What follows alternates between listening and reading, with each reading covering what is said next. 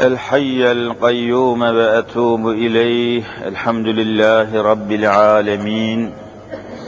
والصلاة والسلام على رسولنا محمد وعلى آله وعلى آله وصحبه أجمعين. أعوذ بالله من الشيطان الرجيم. بسم الله الرحمن الرحيم.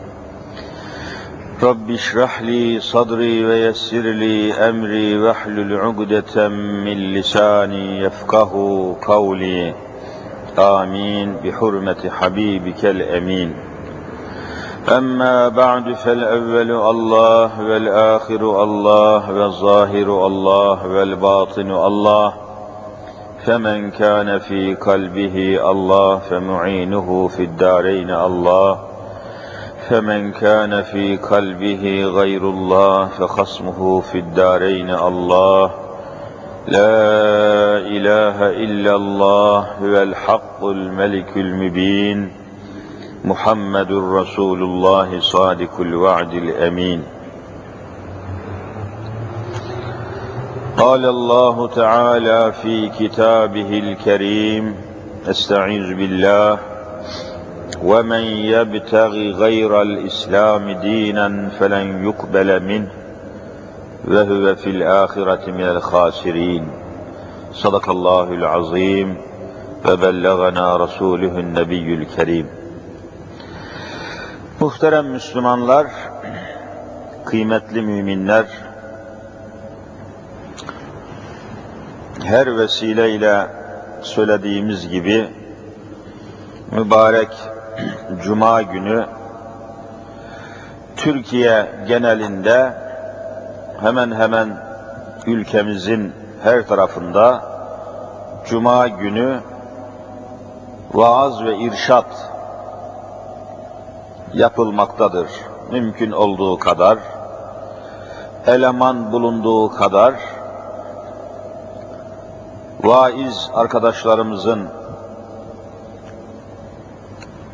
bulunduğu ölçüde, olduğu ölçüde daha ziyade cuma günleri, cuma namazlarından önce böyle merkezi camilerde vaaz ve irşat bulunmaktadır. Ancak vaaz-ı nasihatın, vaaz ve irşadın verimli olabilmesi için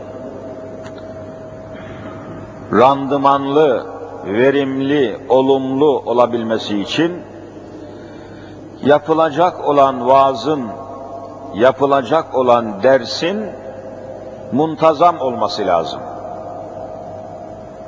Yani cemaati müsliminin dinleyecek olan vaaz ve irşadı dinleyecek olan cemaati müsliminin vaizin kürsüye çıkmasından evvel gelip camide yerini alması lazım.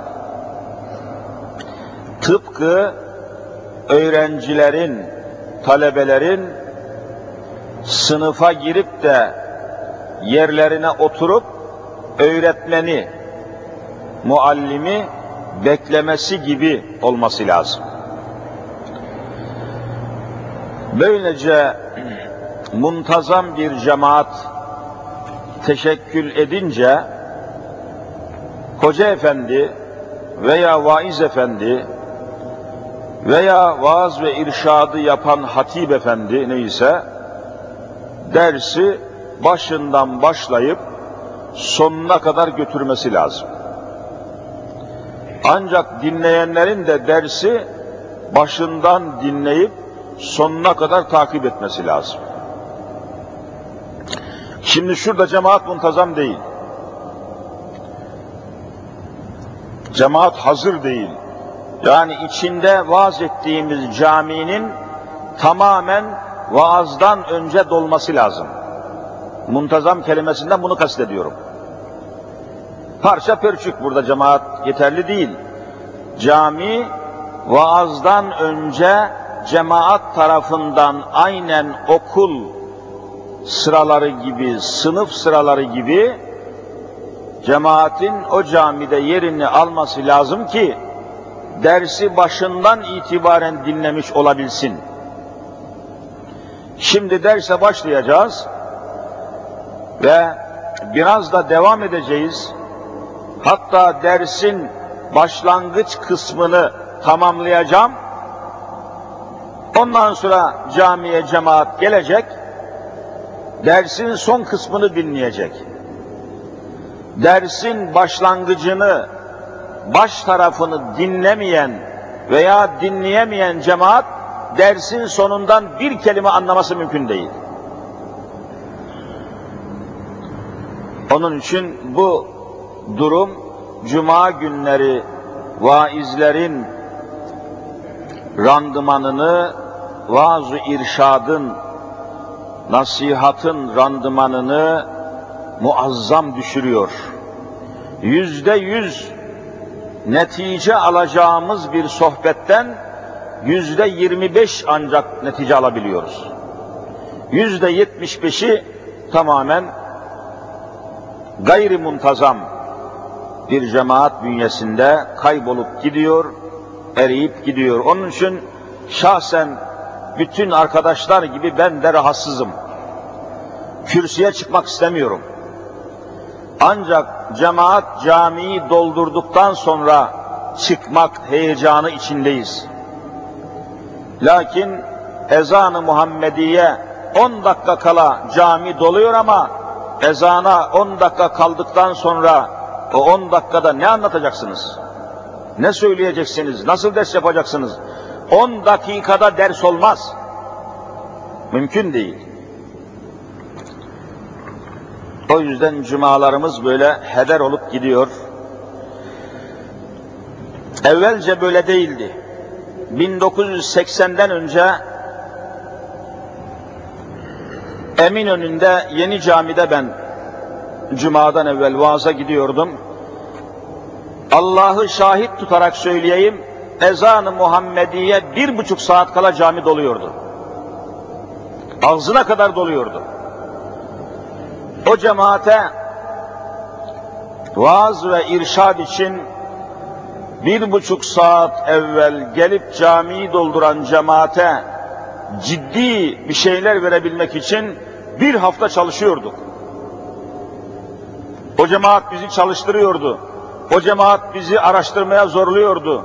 O cemaat bizi teşvik ediyordu. O cemaat bizi heyecanlandırıyordu. O cemaat bize bereket veriyordu. Şu vaziyet beni nefrete sürüklüyor. Şu vaziyet beni adeta soğutuyor. Buz gibi kürsüden soğuyoruz. Bir türlü cemaat-i müslimini cuma günü bir saat evvel camiye getiremiyoruz. Bir program yapamıyor Müslüman. Bir plan yapamıyor. Bir program yapamıyor. Bir disiplin ayarlayamıyor. Ne pahasına olursa olsun cuma günü bir saatimi Allah'ın evine, camiye, vaaza, sohbete vereceğim diyemiyor. Disiplin, irade, azim, karar, nizam, intizam bulunmamaktadır. Ezan okununcaya kadar peyderpey, parça parça gelen cemaat-i müsliminin kürsüde bir saat evvelden başlayan vaazı anlaması mümkün değil. Onun için cuma günleri vaaz olmuyor. Bağırıp çağırmaktır. Sen bana muntazam bir buçuk saat evvel cemaat ver, vaaz etmek nedir göstereyim sana. On dakika kalmış ezanı Muhammediye, adam gelmiş camiye, e, ne anlayacak kürsüden, ne anlayacak vaizden? Onun için cumalarımız boşa gidiyor. Fevkalade müteessiriz. Ve ben fevkalade huzursuz çıkıyorum kürsüye, rahatsız çıkıyorum, heyecansız çıkıyorum. Ve bu yüzden de tam randıman alamıyoruz. Ama tabii bir noktaya kadar da mecbur bir çerçeve, mecburi bir çerçeve içerisinde gelen üç beş kardeşimize de bir şeyler söylemiş olmak için yine Kur'an-ı Kerim'i açıyoruz.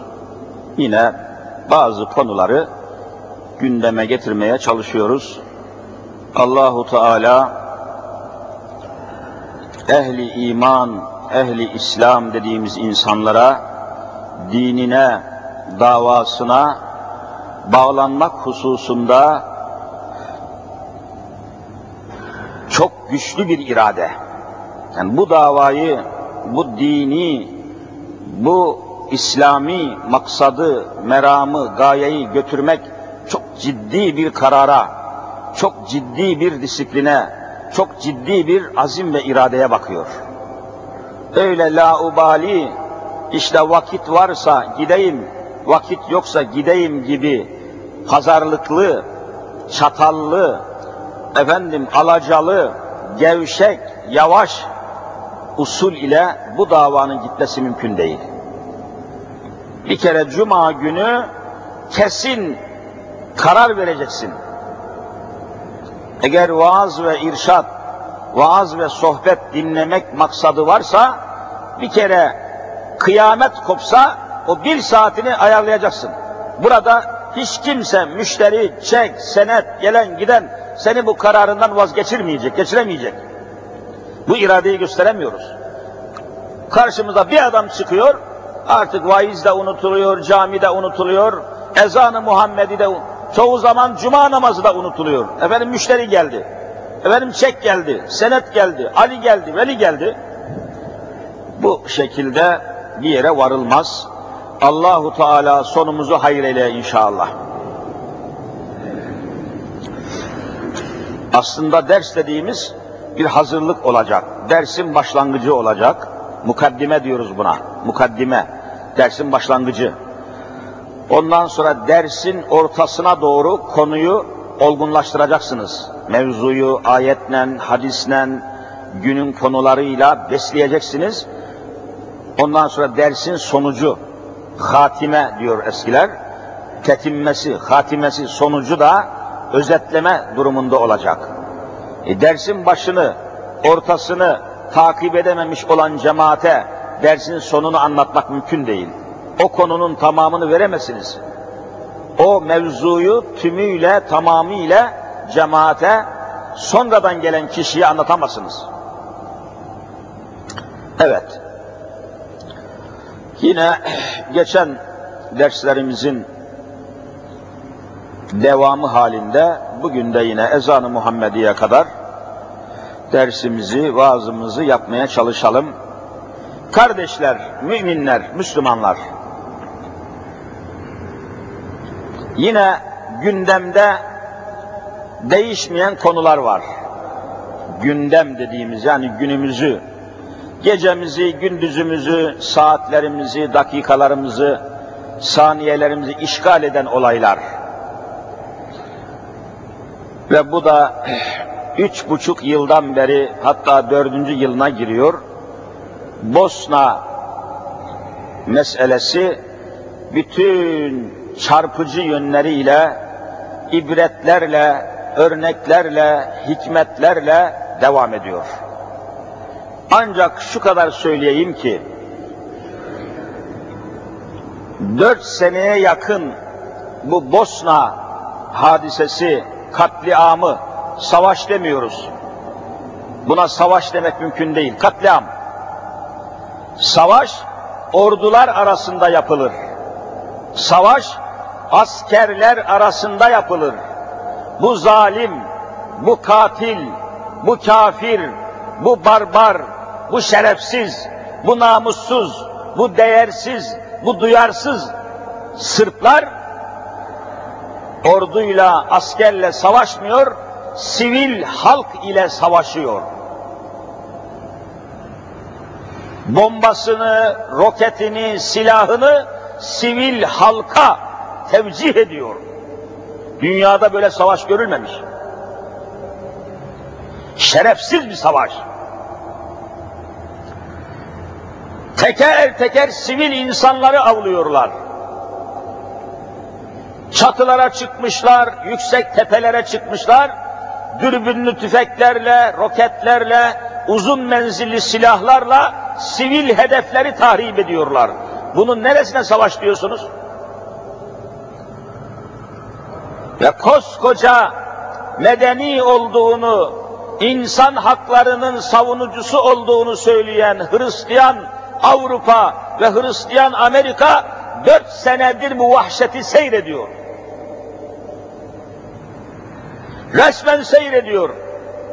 El altından da sırtlara yardım ediyor. Dolayısıyla yardım ediyor. Zaman tanıyor, fırsat tanıyor, silah veriyor, imkan veriyor.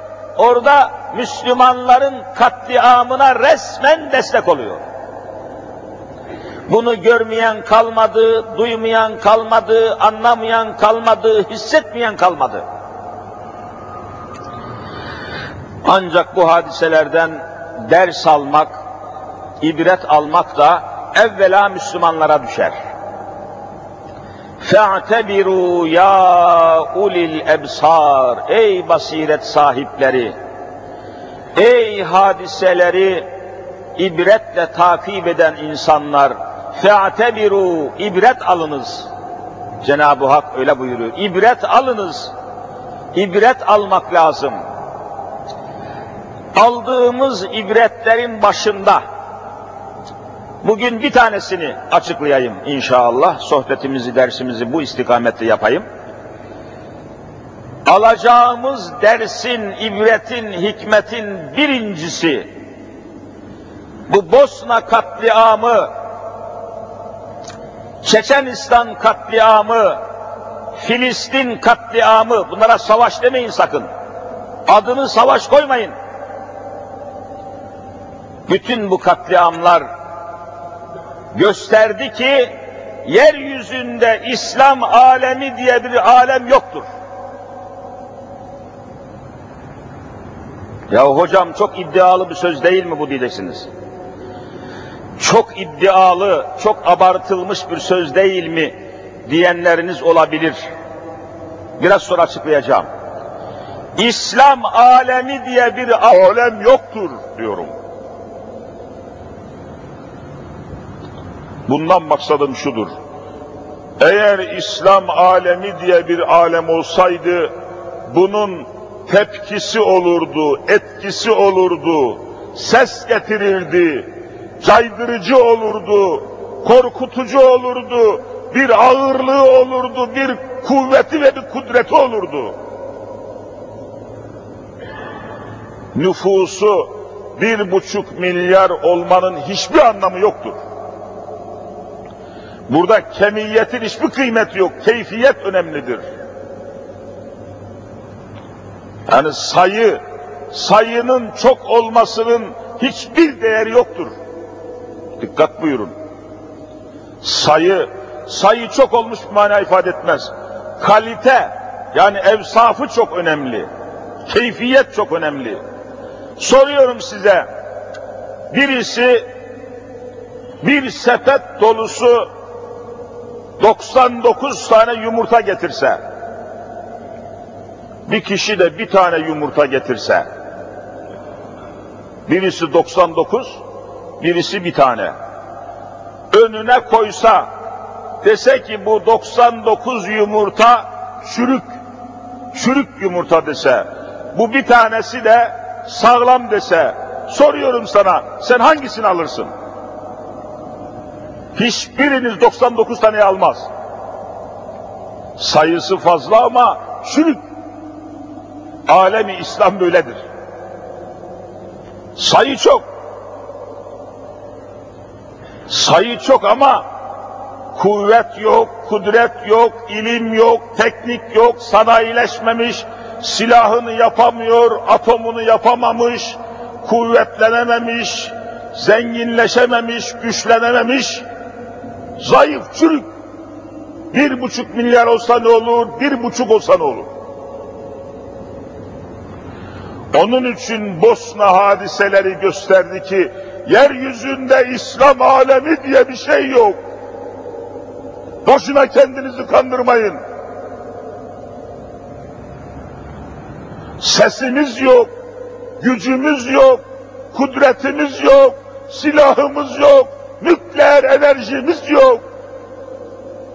Boşuna tören mören yapmayın. Sizden kimse korkmuyor. Alemi İslam'dan kimse korkmuyor. Kimse sakınmıyor. Kimse çekinmiyor. Yok alem İslam. Alemi İslam fitne içinde, alemi İslam fesad içinde, alemi İslam terör halinde. Alemi İslam'ın birliği yok, alemi İslam'ın ittifakı yok, alemi İslam'ın ittihadı yok, alemi İslam'ın silahları yok, imkanı yok, kuvveti yok. Böyle alem İslam olmaz. Güç dediğimiz bir şey var Müslümanlar. Güç dediğimiz, kuvvet dediğimiz bir şey var. Açıyoruz, işte bakın Kur'an-ı Kerim önümde açıyorum, karşıma şu ayet çıkıyor. Ve a'iddu lehum mesteta'tum min kuvveh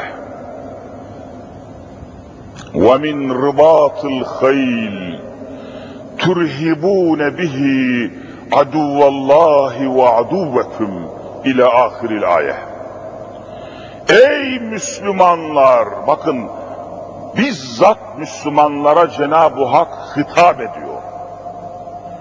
Ve iddu lehum Düşmanlarınıza karşı hazırlayın.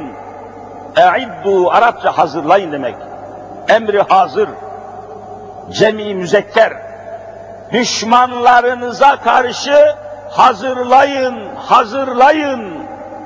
E'iddu hazırlayın. Neyi hazırlayacağımızı Cenab-ı Hak haber veriyor. Neyi hazırlayacağız?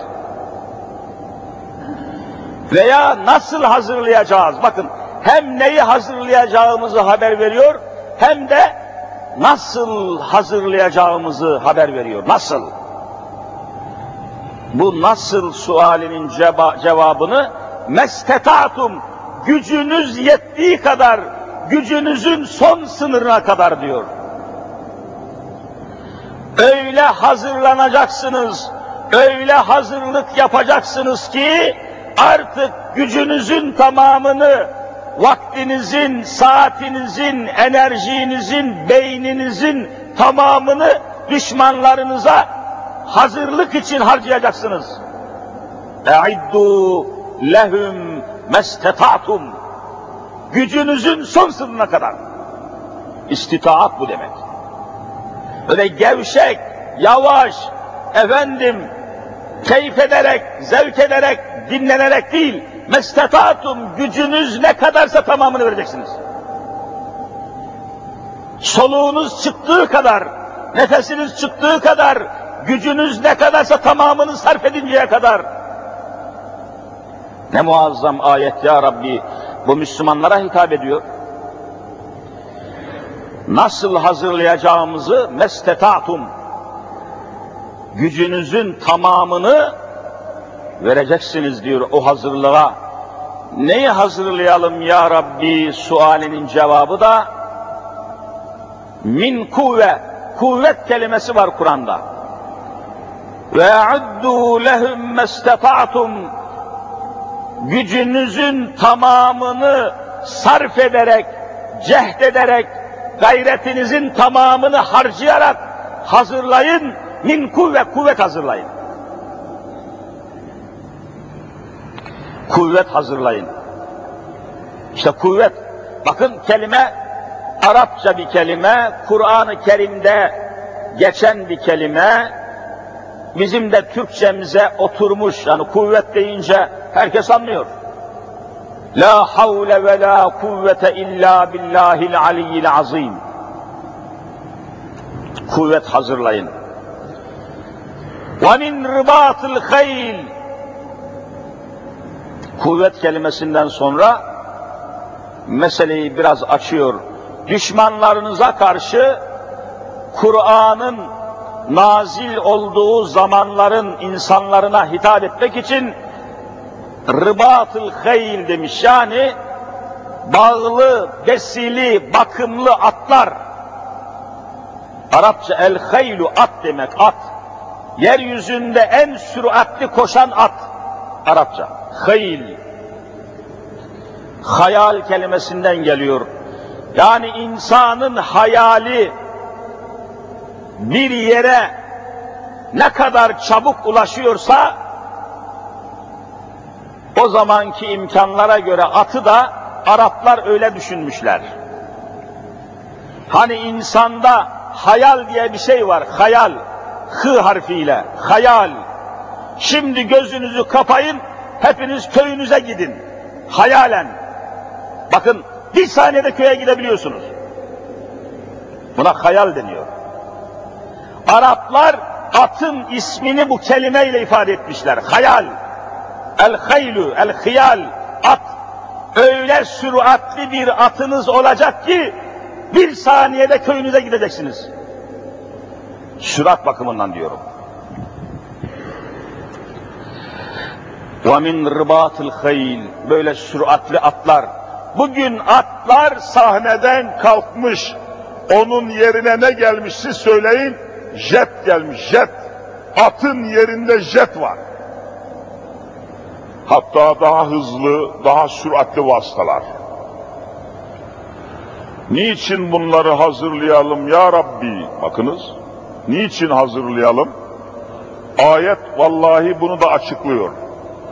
Türhibune bihi aduvallahi ve aduveküm düşmanlarınızı hem sizin düşmanlarınızı hem de Allah'ın düşmanlarını korkutasınız. Bakın aynen korkutmak tabiri var.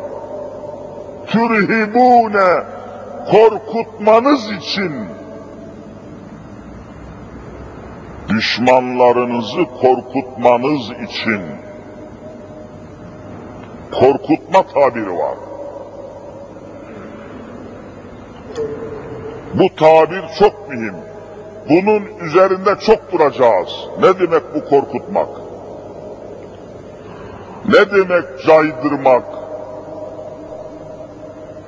İşte korkutmanın arkasından Caydırmak geliyor. Bugün bir buçuk milyar nüfusu olan İslam alemi diyorsunuz.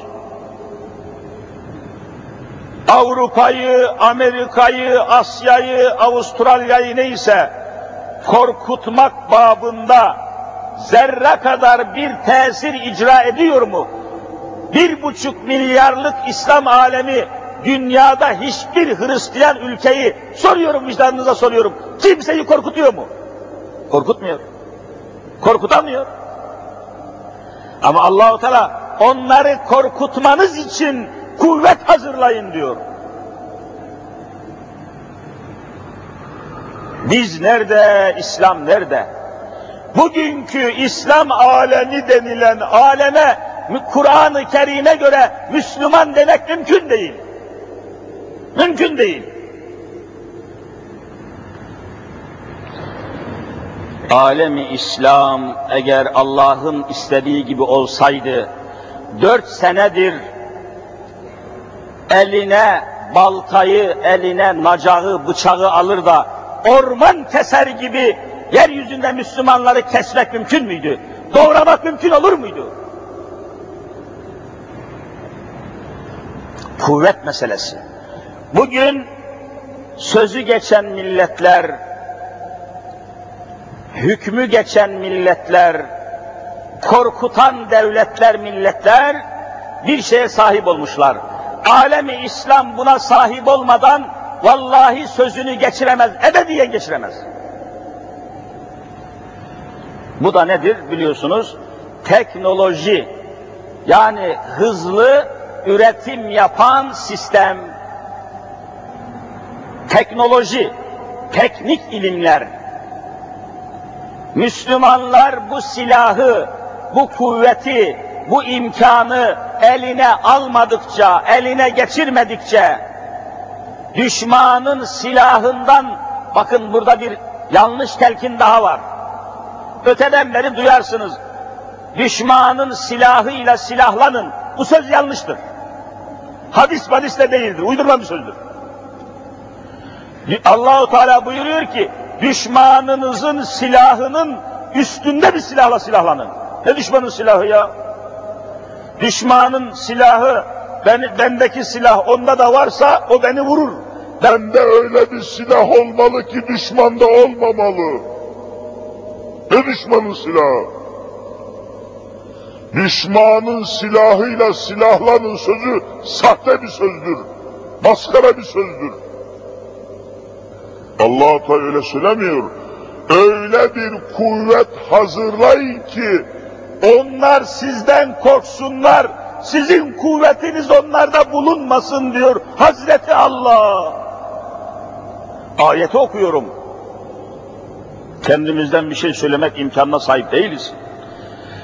Peygamber bile kendi kafasından bir şey söylemeye sahibi selahiyet değildir. وَمَا يَنْتِقُ عَنِ الْهَوَى اِنْ هُوَ اِلَّا وَحْيٌ يُوحَى Habibim Ahmedü Mahmudu Muhammed Mustafa kendi kafasından, kendi hevasından, kendi havasından bir kelime söylemez. İn huve illa vahyun vahiy ile konuşur. Vahiy ile söyler, Allah'tan aldığını söyler buyuruyor. Peygamber böyle olunca hocalar, şeyhler kendi kafasından bir şey söylemeye imkanları var mıdır? Kendi kafasından, kendi havasından, kendi keyfinden, kendi efendim bildiklerini Kur'an'a mutabık olmadan, Kur'an'a uygun düşmeden, sünnete uygun düşmeden bir hoca nasıl ortaya atar? Okuduğum ayet-i kerimeye göre düşmanınızın silahından daha kuvvetli bir silah hazırlayın deniyor. Düşmanın silahıyla silahlanmak bu tamamen çürük bir söz. Hiçbir ciddiyeti yok. Bakınız mesela Güneydoğu'da, Doğu'da askerlerimiz çarpışıyor, çatışıyor. Bizde de savaş var. Adını savaş koymamışsınız ama bal gibi savaş. Karşınızda birileri var. PKK diyorsunuz, teröristler diyorsunuz, bölücüler diyorsunuz, tamam. Ve on yıldır bu savaş devam ediyor. Bakın korkunç bir şey. Şimdi duyuyoruz, işitiyoruz. Askerlik doğuda askerlik yapıp da hasbel kader ölmeden, parçalanmadan tezkere alıp gelen askerler var. Dün değil evvel şu gün onlardan birisiyle beraberdim. Tezkere almış, gelmiş. Görevin neydi diye sordum. Muhabereydi hocam dedi. Telsiz, telsizde çalışıyordum dedi. Ve vallahi anlattı. Çocuk halen bildiğimiz adreste. Diyor ki bizim elimizde diyor telsiz var. PKK elemanlarının da elinde telsiz var. Bizim telsizimiz diyor hocam dağın tepesine çıkmadan çalışmıyor. Ta tepeye çıkacaksın. Teknik açıdan bizimki çok geri. O PKK teröristinin diyor elindeki telsiz yerin dibindeki mağaranın içinde çalışıyor, bizimki ancak tepede çalışıyor diyor. Görüyor musunuz? Bugün savaşan teknolojidir. Savaşan insandır ama insanı da savaştıran elindeki teknik imkanlardır. Bu teknolojiyi yakalamadan vatanınızı koruyamazsınız. Bu teknolojiyi onların elinden alıp daha mükemmelini yapmadan namusunuzu koruyamazsınız Müslümanlar. Bunu bir hoca olarak söylüyorum. Namusumuzu korumak üzerimize farzdır. Vatanımızı korumak farzdır. Devletimizi, İslami manada devletimizi korumak farzdır. Ülkemizi, bölgemizi, beldemizi, ırzımızı, namusumuzu korumak farzdır. Bunu yerine getirmek için teknolojiyi almakta farz-ı ayındır. Dini hükmünü söylüyorum. Teknoloji, teknik silahlar, teknik imkanlar, teknik kudretler, teknik kuvvetler. Bunu almadan bir yere varamayız.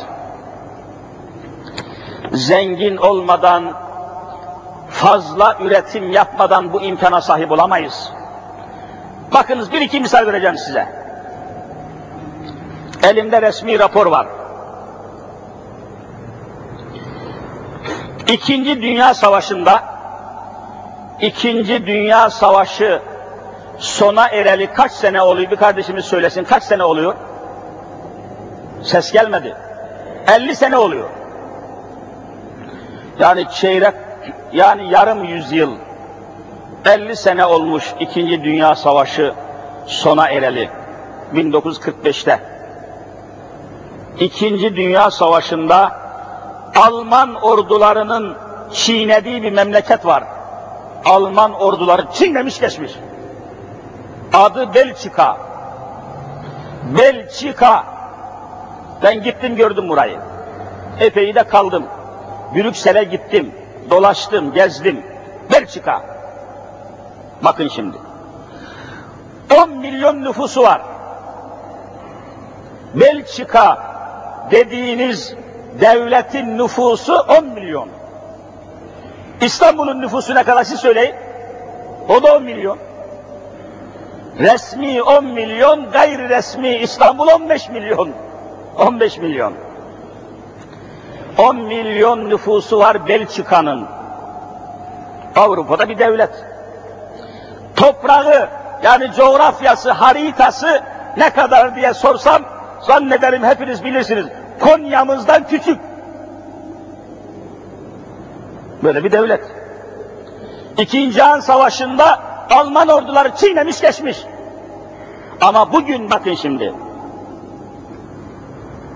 Bugün öyle bir teknolojiyi, üretimi, prodüksiyonu yakalamış ki şu anda Belçika'nın bir yıllık ihracatı 150 milyar dolar. Korkunç bir şey bu. Bir yıllık ihracatı 150 milyarlık, milyar dolarlık mal üretip dünyaya mal satıyor.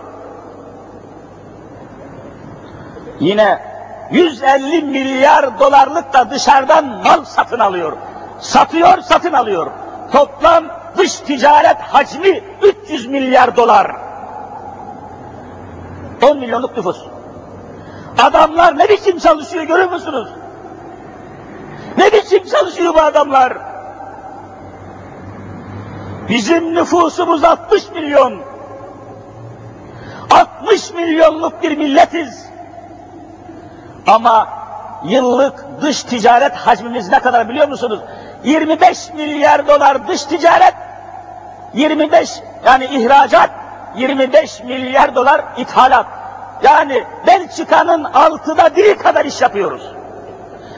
Nüfusumuzun onda biri kadar olan bir memleket bizden altı kat daha çok iş yapıyor. Bizim neremiz Müslüman? Müslümanlar soruyorum size bizim neremiz insan? 10 milyon Belçika senelik 300 milyar dolarlık dış ticaret hacmine sahip 60 milyonluk Türkiye 50 milyar lira do dolarlık bir dış ticaret hacmine utanmak lazım. Yeryüzünde utanç tablosudur bu. O da 50 sene evvel yer ile bir edilmişti. Alman orduları çiğnemiş geçmişti. Cumhuriyet kurulalı görüyorsunuz 72 sene olmuş. 72 yıllık bir mazisi var Cumhuriyet'in. Daha 10 milyon nüfusluk Konya'dan küçük bir devletin altıda biri kadar haysiyetimiz yok bizim. Söyletmeyin bizi. Konuşturmayın bizi.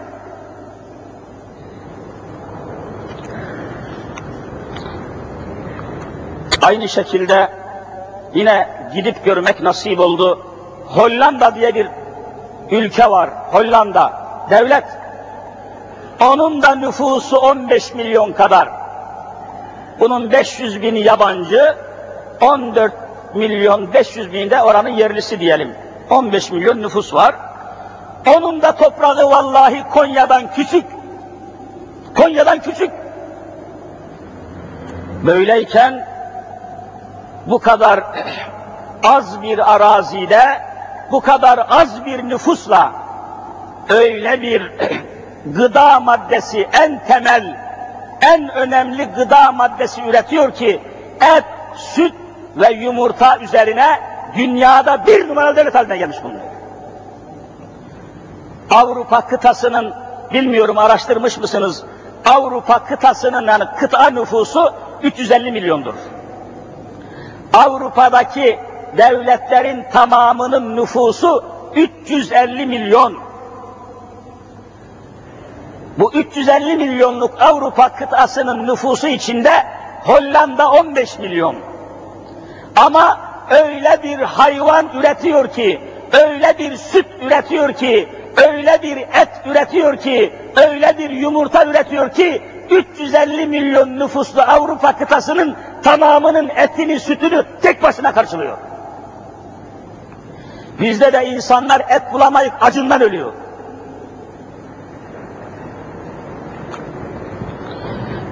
Hiç unutmam, Hollanda'yı gezerken her tarafını bize dolaştırdı arkadaşlarımız, oradaki işçi temsilcisi kardeşlerimiz. Bir hayvan çiftliğini gezdik dolaştık. Yani 73, aradan ne kadar zaman geçmiş? 22 sene. O zaman Diyanet İşleri Başkanlığı tarafından resmi din görevlisi olarak gönderilmiştik Hollanda'ya. Belçika, Hollanda, Fransa. Üç ay dolaştık geldik. Bir hayvan çiftliğini gezdirdiler.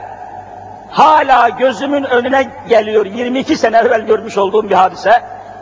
O çiftlikte bir inek gördüm. Dikkatimi çekti. Hayvanın etrafında şöyle bir tur dönüş yaptım.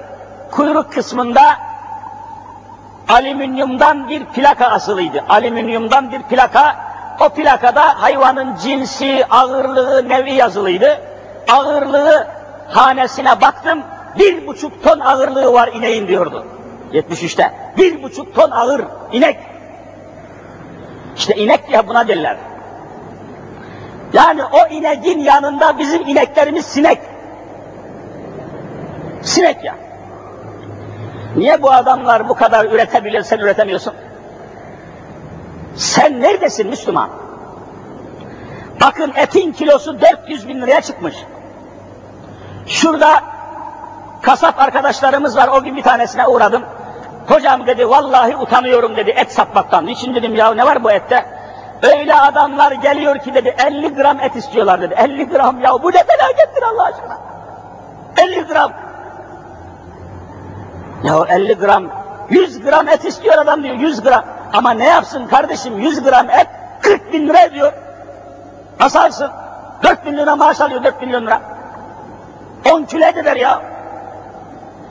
Böyle sistem olmaz. Vallahi böyle resim olmaz. Vallahi böyle sistem olmaz.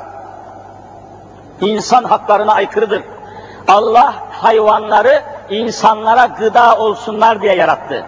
Ama yararlanamıyorsunuz, faydalanamıyorsunuz, yaklaşamıyorsunuz, alamıyorsunuz, yiyemiyorsunuz. Böyle herkes bila istisna, herkes istediği kadar eti satın alıp yiyemiyorsa, istediği zaman, istediği yerde, istediği kadar et alıp yiyemiyorsa, vallahi o ülkede insan hakları yoktur. Doğru mu yanlış mı? İnsan hakları yoktur. Bu nasıl insan ki gidip 50 gram et istiyor, 100 gram et istiyor. Bu nasıl bir insan ki geliyor, kes şuradan bana 10 kilo et diyor. Birisi 10 kilo alırken tınmıyor, öbürüsü 50 gram alırken korkuyor. Burada insan hakları yoktur. Burada adalet yoktur. Hiçbir şey yoktur. Bu sistem değişmesi lazım. Böyle gitmek mümkün değil. Avrupa'yı değil, vallahi bu gidişle Afrika'yı yakalayamayız. Afrika'yı yakalayamazsın. Bir buçuk ton ağırlığında inek görmüşüm. 22 sene evvel ya. Halen gözümün önüne geliyor. Tek başına Hollanda, bütün bir Avrupa kıtasının etini, sütünü, peynirini, yağını, yumurtasını tek başına üretiyor. Bizim memlekete ne olmuş? Bizim yaylalarımız, bizim tarlalarımız, bizim meralarımız, bizim memleketimiz olmuş. Niçin bu hale getirdiniz? Niçin bu hale getirdiniz?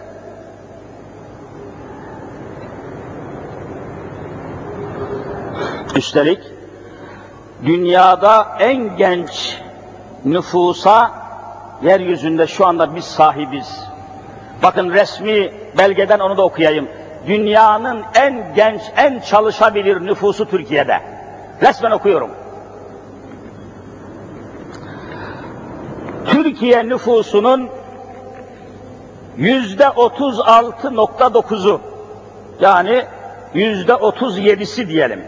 Yüzde otuz altı nokta dokuz diyor. Onu siz tam sayın. Yüzde otuz yedisi Türkiye nüfus. Türkiye'de her yüz kişinin otuz yedisi sıfır yaş ile on dört yaş arasında. Hepsi çocuk. Nüfusumuzun yüzde otuz yedisi çocuk. Dünyada ikinci bir devlet bulamazsınız. Genç nüfus. Yüzde otuz yedisi nüfusumuzun çocuk. Sıfır ile on dört yaş arası. Harika bir şey. Vallahi harika bir hadise bu. Nüfusumuzun yüzde 4.5 yani yüzde dört buçuğu 65 yaş üzerinde. Yani ihtiyarımız çok az. Yüzde dört buçuk 65 yaş. Bakın hemen okuyorum. Tam bizim böyle olduğu halde Fransa'da nüfusun bakınız nüfusun yüzde 37'si 65 yaş üzerinde. Orası ihtiyar, bura genç. Genç insanlar. Devam ediyorum. Nüfusumuzun yüzde 58.6'sı, buna yüzde 57 yapın, 15 ila 60 yaş arasındadır. Yüzde 59'u nüfusumuzun 15 yaş ile 60 yaş arasında yani çalışabilir, üretebilir, tüketebilir, ülkesini savunabilir, canlı, genç, dinamik insanlar. Yüzde 58.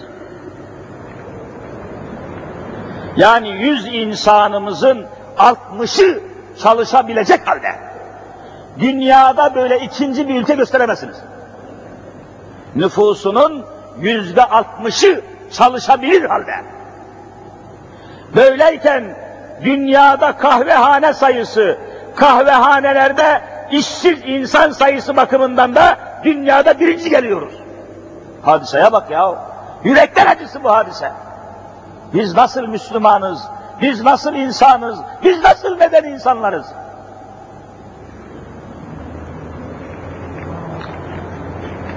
Peki Cenab-ı Hakk'a diyeceğimiz bir şey yoktur. Bakın bir çarpıcı nokta daha size açıklayayım. Şu Müslüman milletlerin, Müslümanım diyen milletlerin Allahu Teala'ya beyan edecekleri hiçbir özürleri yoktur. Özür yoktur. Niye? Bakın söylüyorum.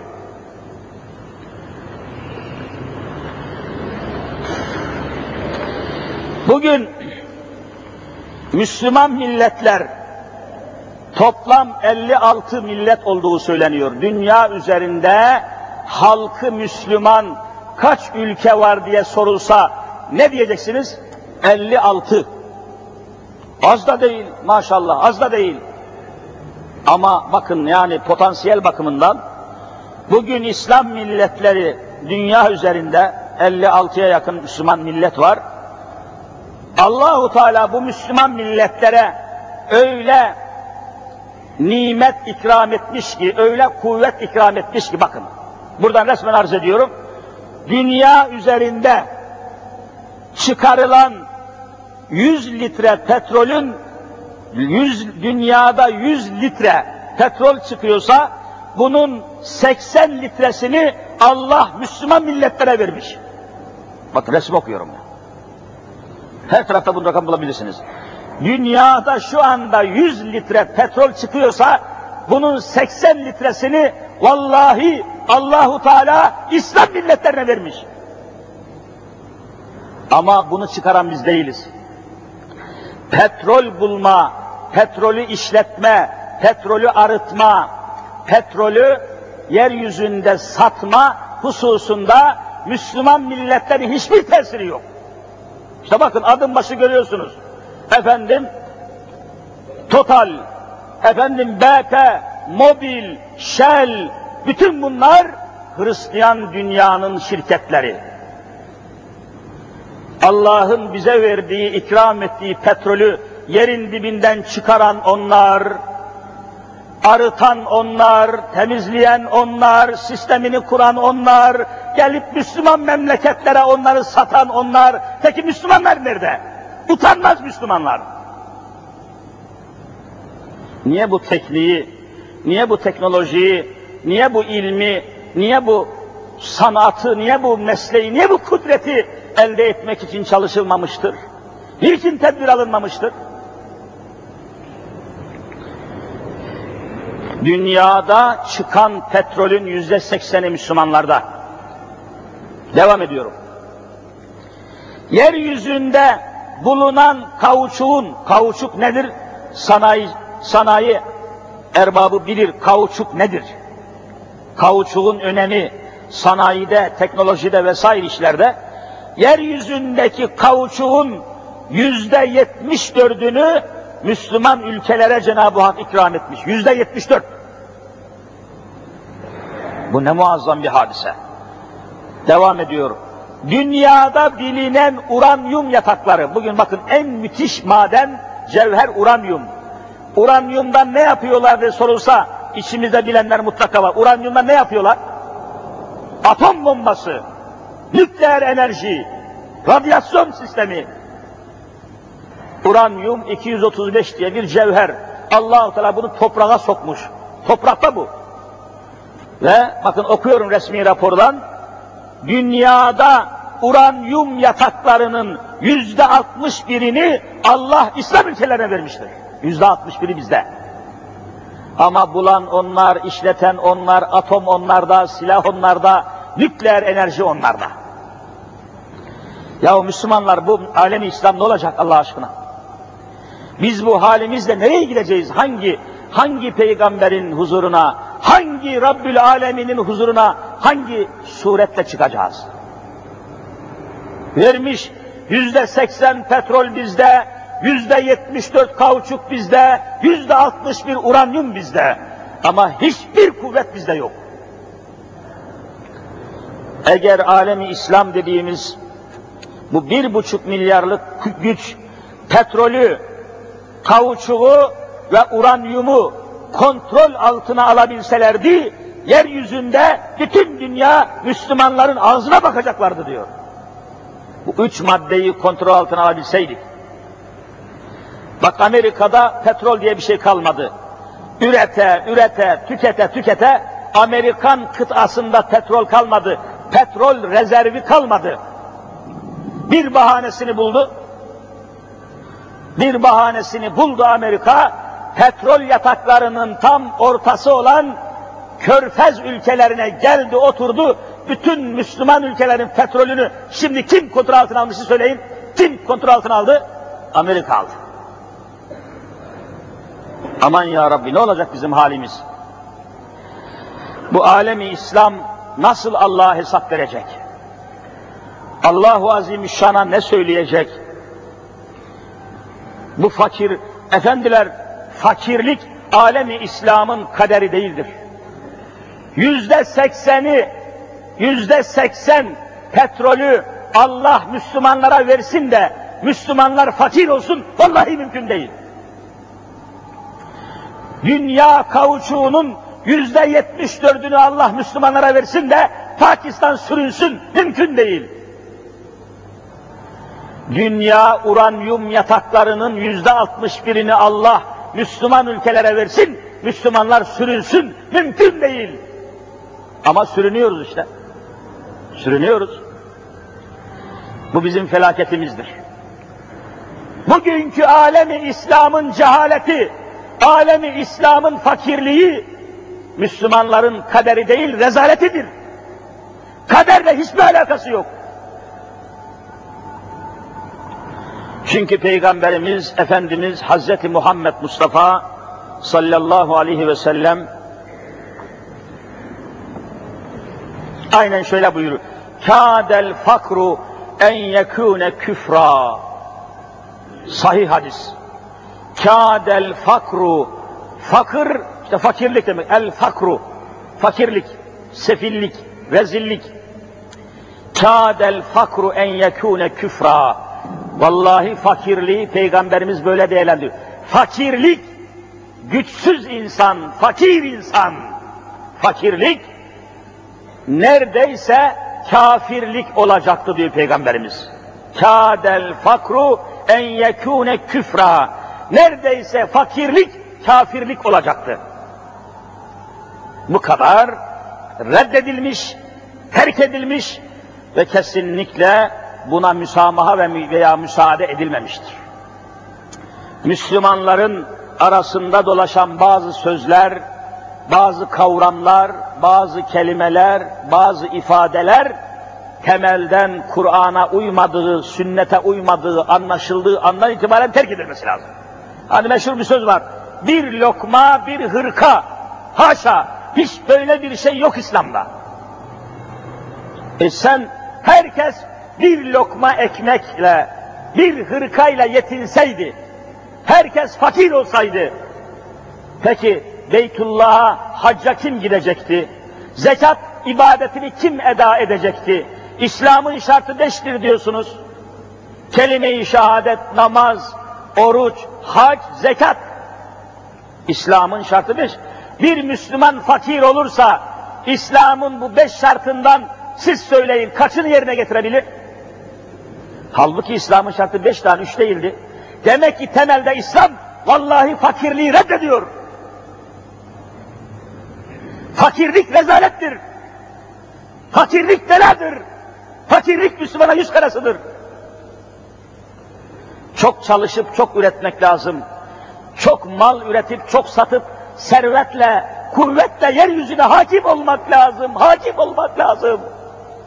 Eğer güçlü bir İslam devleti olsaydı, petrolü kontrol altında tutan, kauçuğu elinde tutan, uranyumu elinde tutan, elinde atom silahı olan bir Müslüman ülke olsaydı, Sırplar, Boşnakları ekin biçer gibi biçemeyecekti, kanını içemeyecekti. Yapmayın Müslümanlar. Nedir? Ezan okundu mu? Uzatmayayım. O halde bu konuyu devam ettireceğiz. Allah nasip ederse önümüzdeki cuma yeraltı kaynaklarımızı işleyeceğim. Dünya üzerinde bizim topraklarımız, bizim ülkelerimiz, bizim bölgelerimiz, bizim beldelerimiz kadar yeraltı kaynağına sahip olan başka bir toprak yoktur.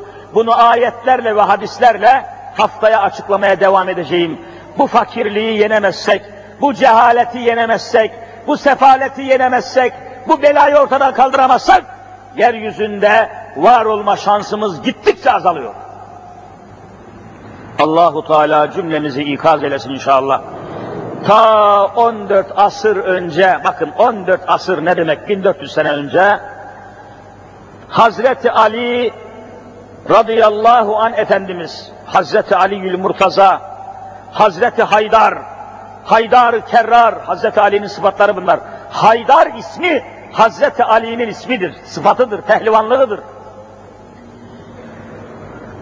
14 asır evvel gözünü ufuklara dikerek bakın vallahi şöyle söylemiş Hazreti Ali levkânetil cahilü fil cenneti cara leteraktül cennete vahtertü nara buyuruyor ki farz-ı muhal olmaz ya olmuş gibi kabul edelim diyor Hazreti Ali.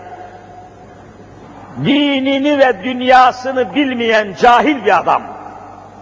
Ne dünyasını biliyor, ne eşyayı, ne maddeyi, ne dünyayı, ne de dinini bilmeyen cahil bir adam cennette komşum olsa o cahilin şerrinden vallahi cenneti bırakır cehenneme kaçarım diyor. Cehaletten bu kadar kaçılmıştır.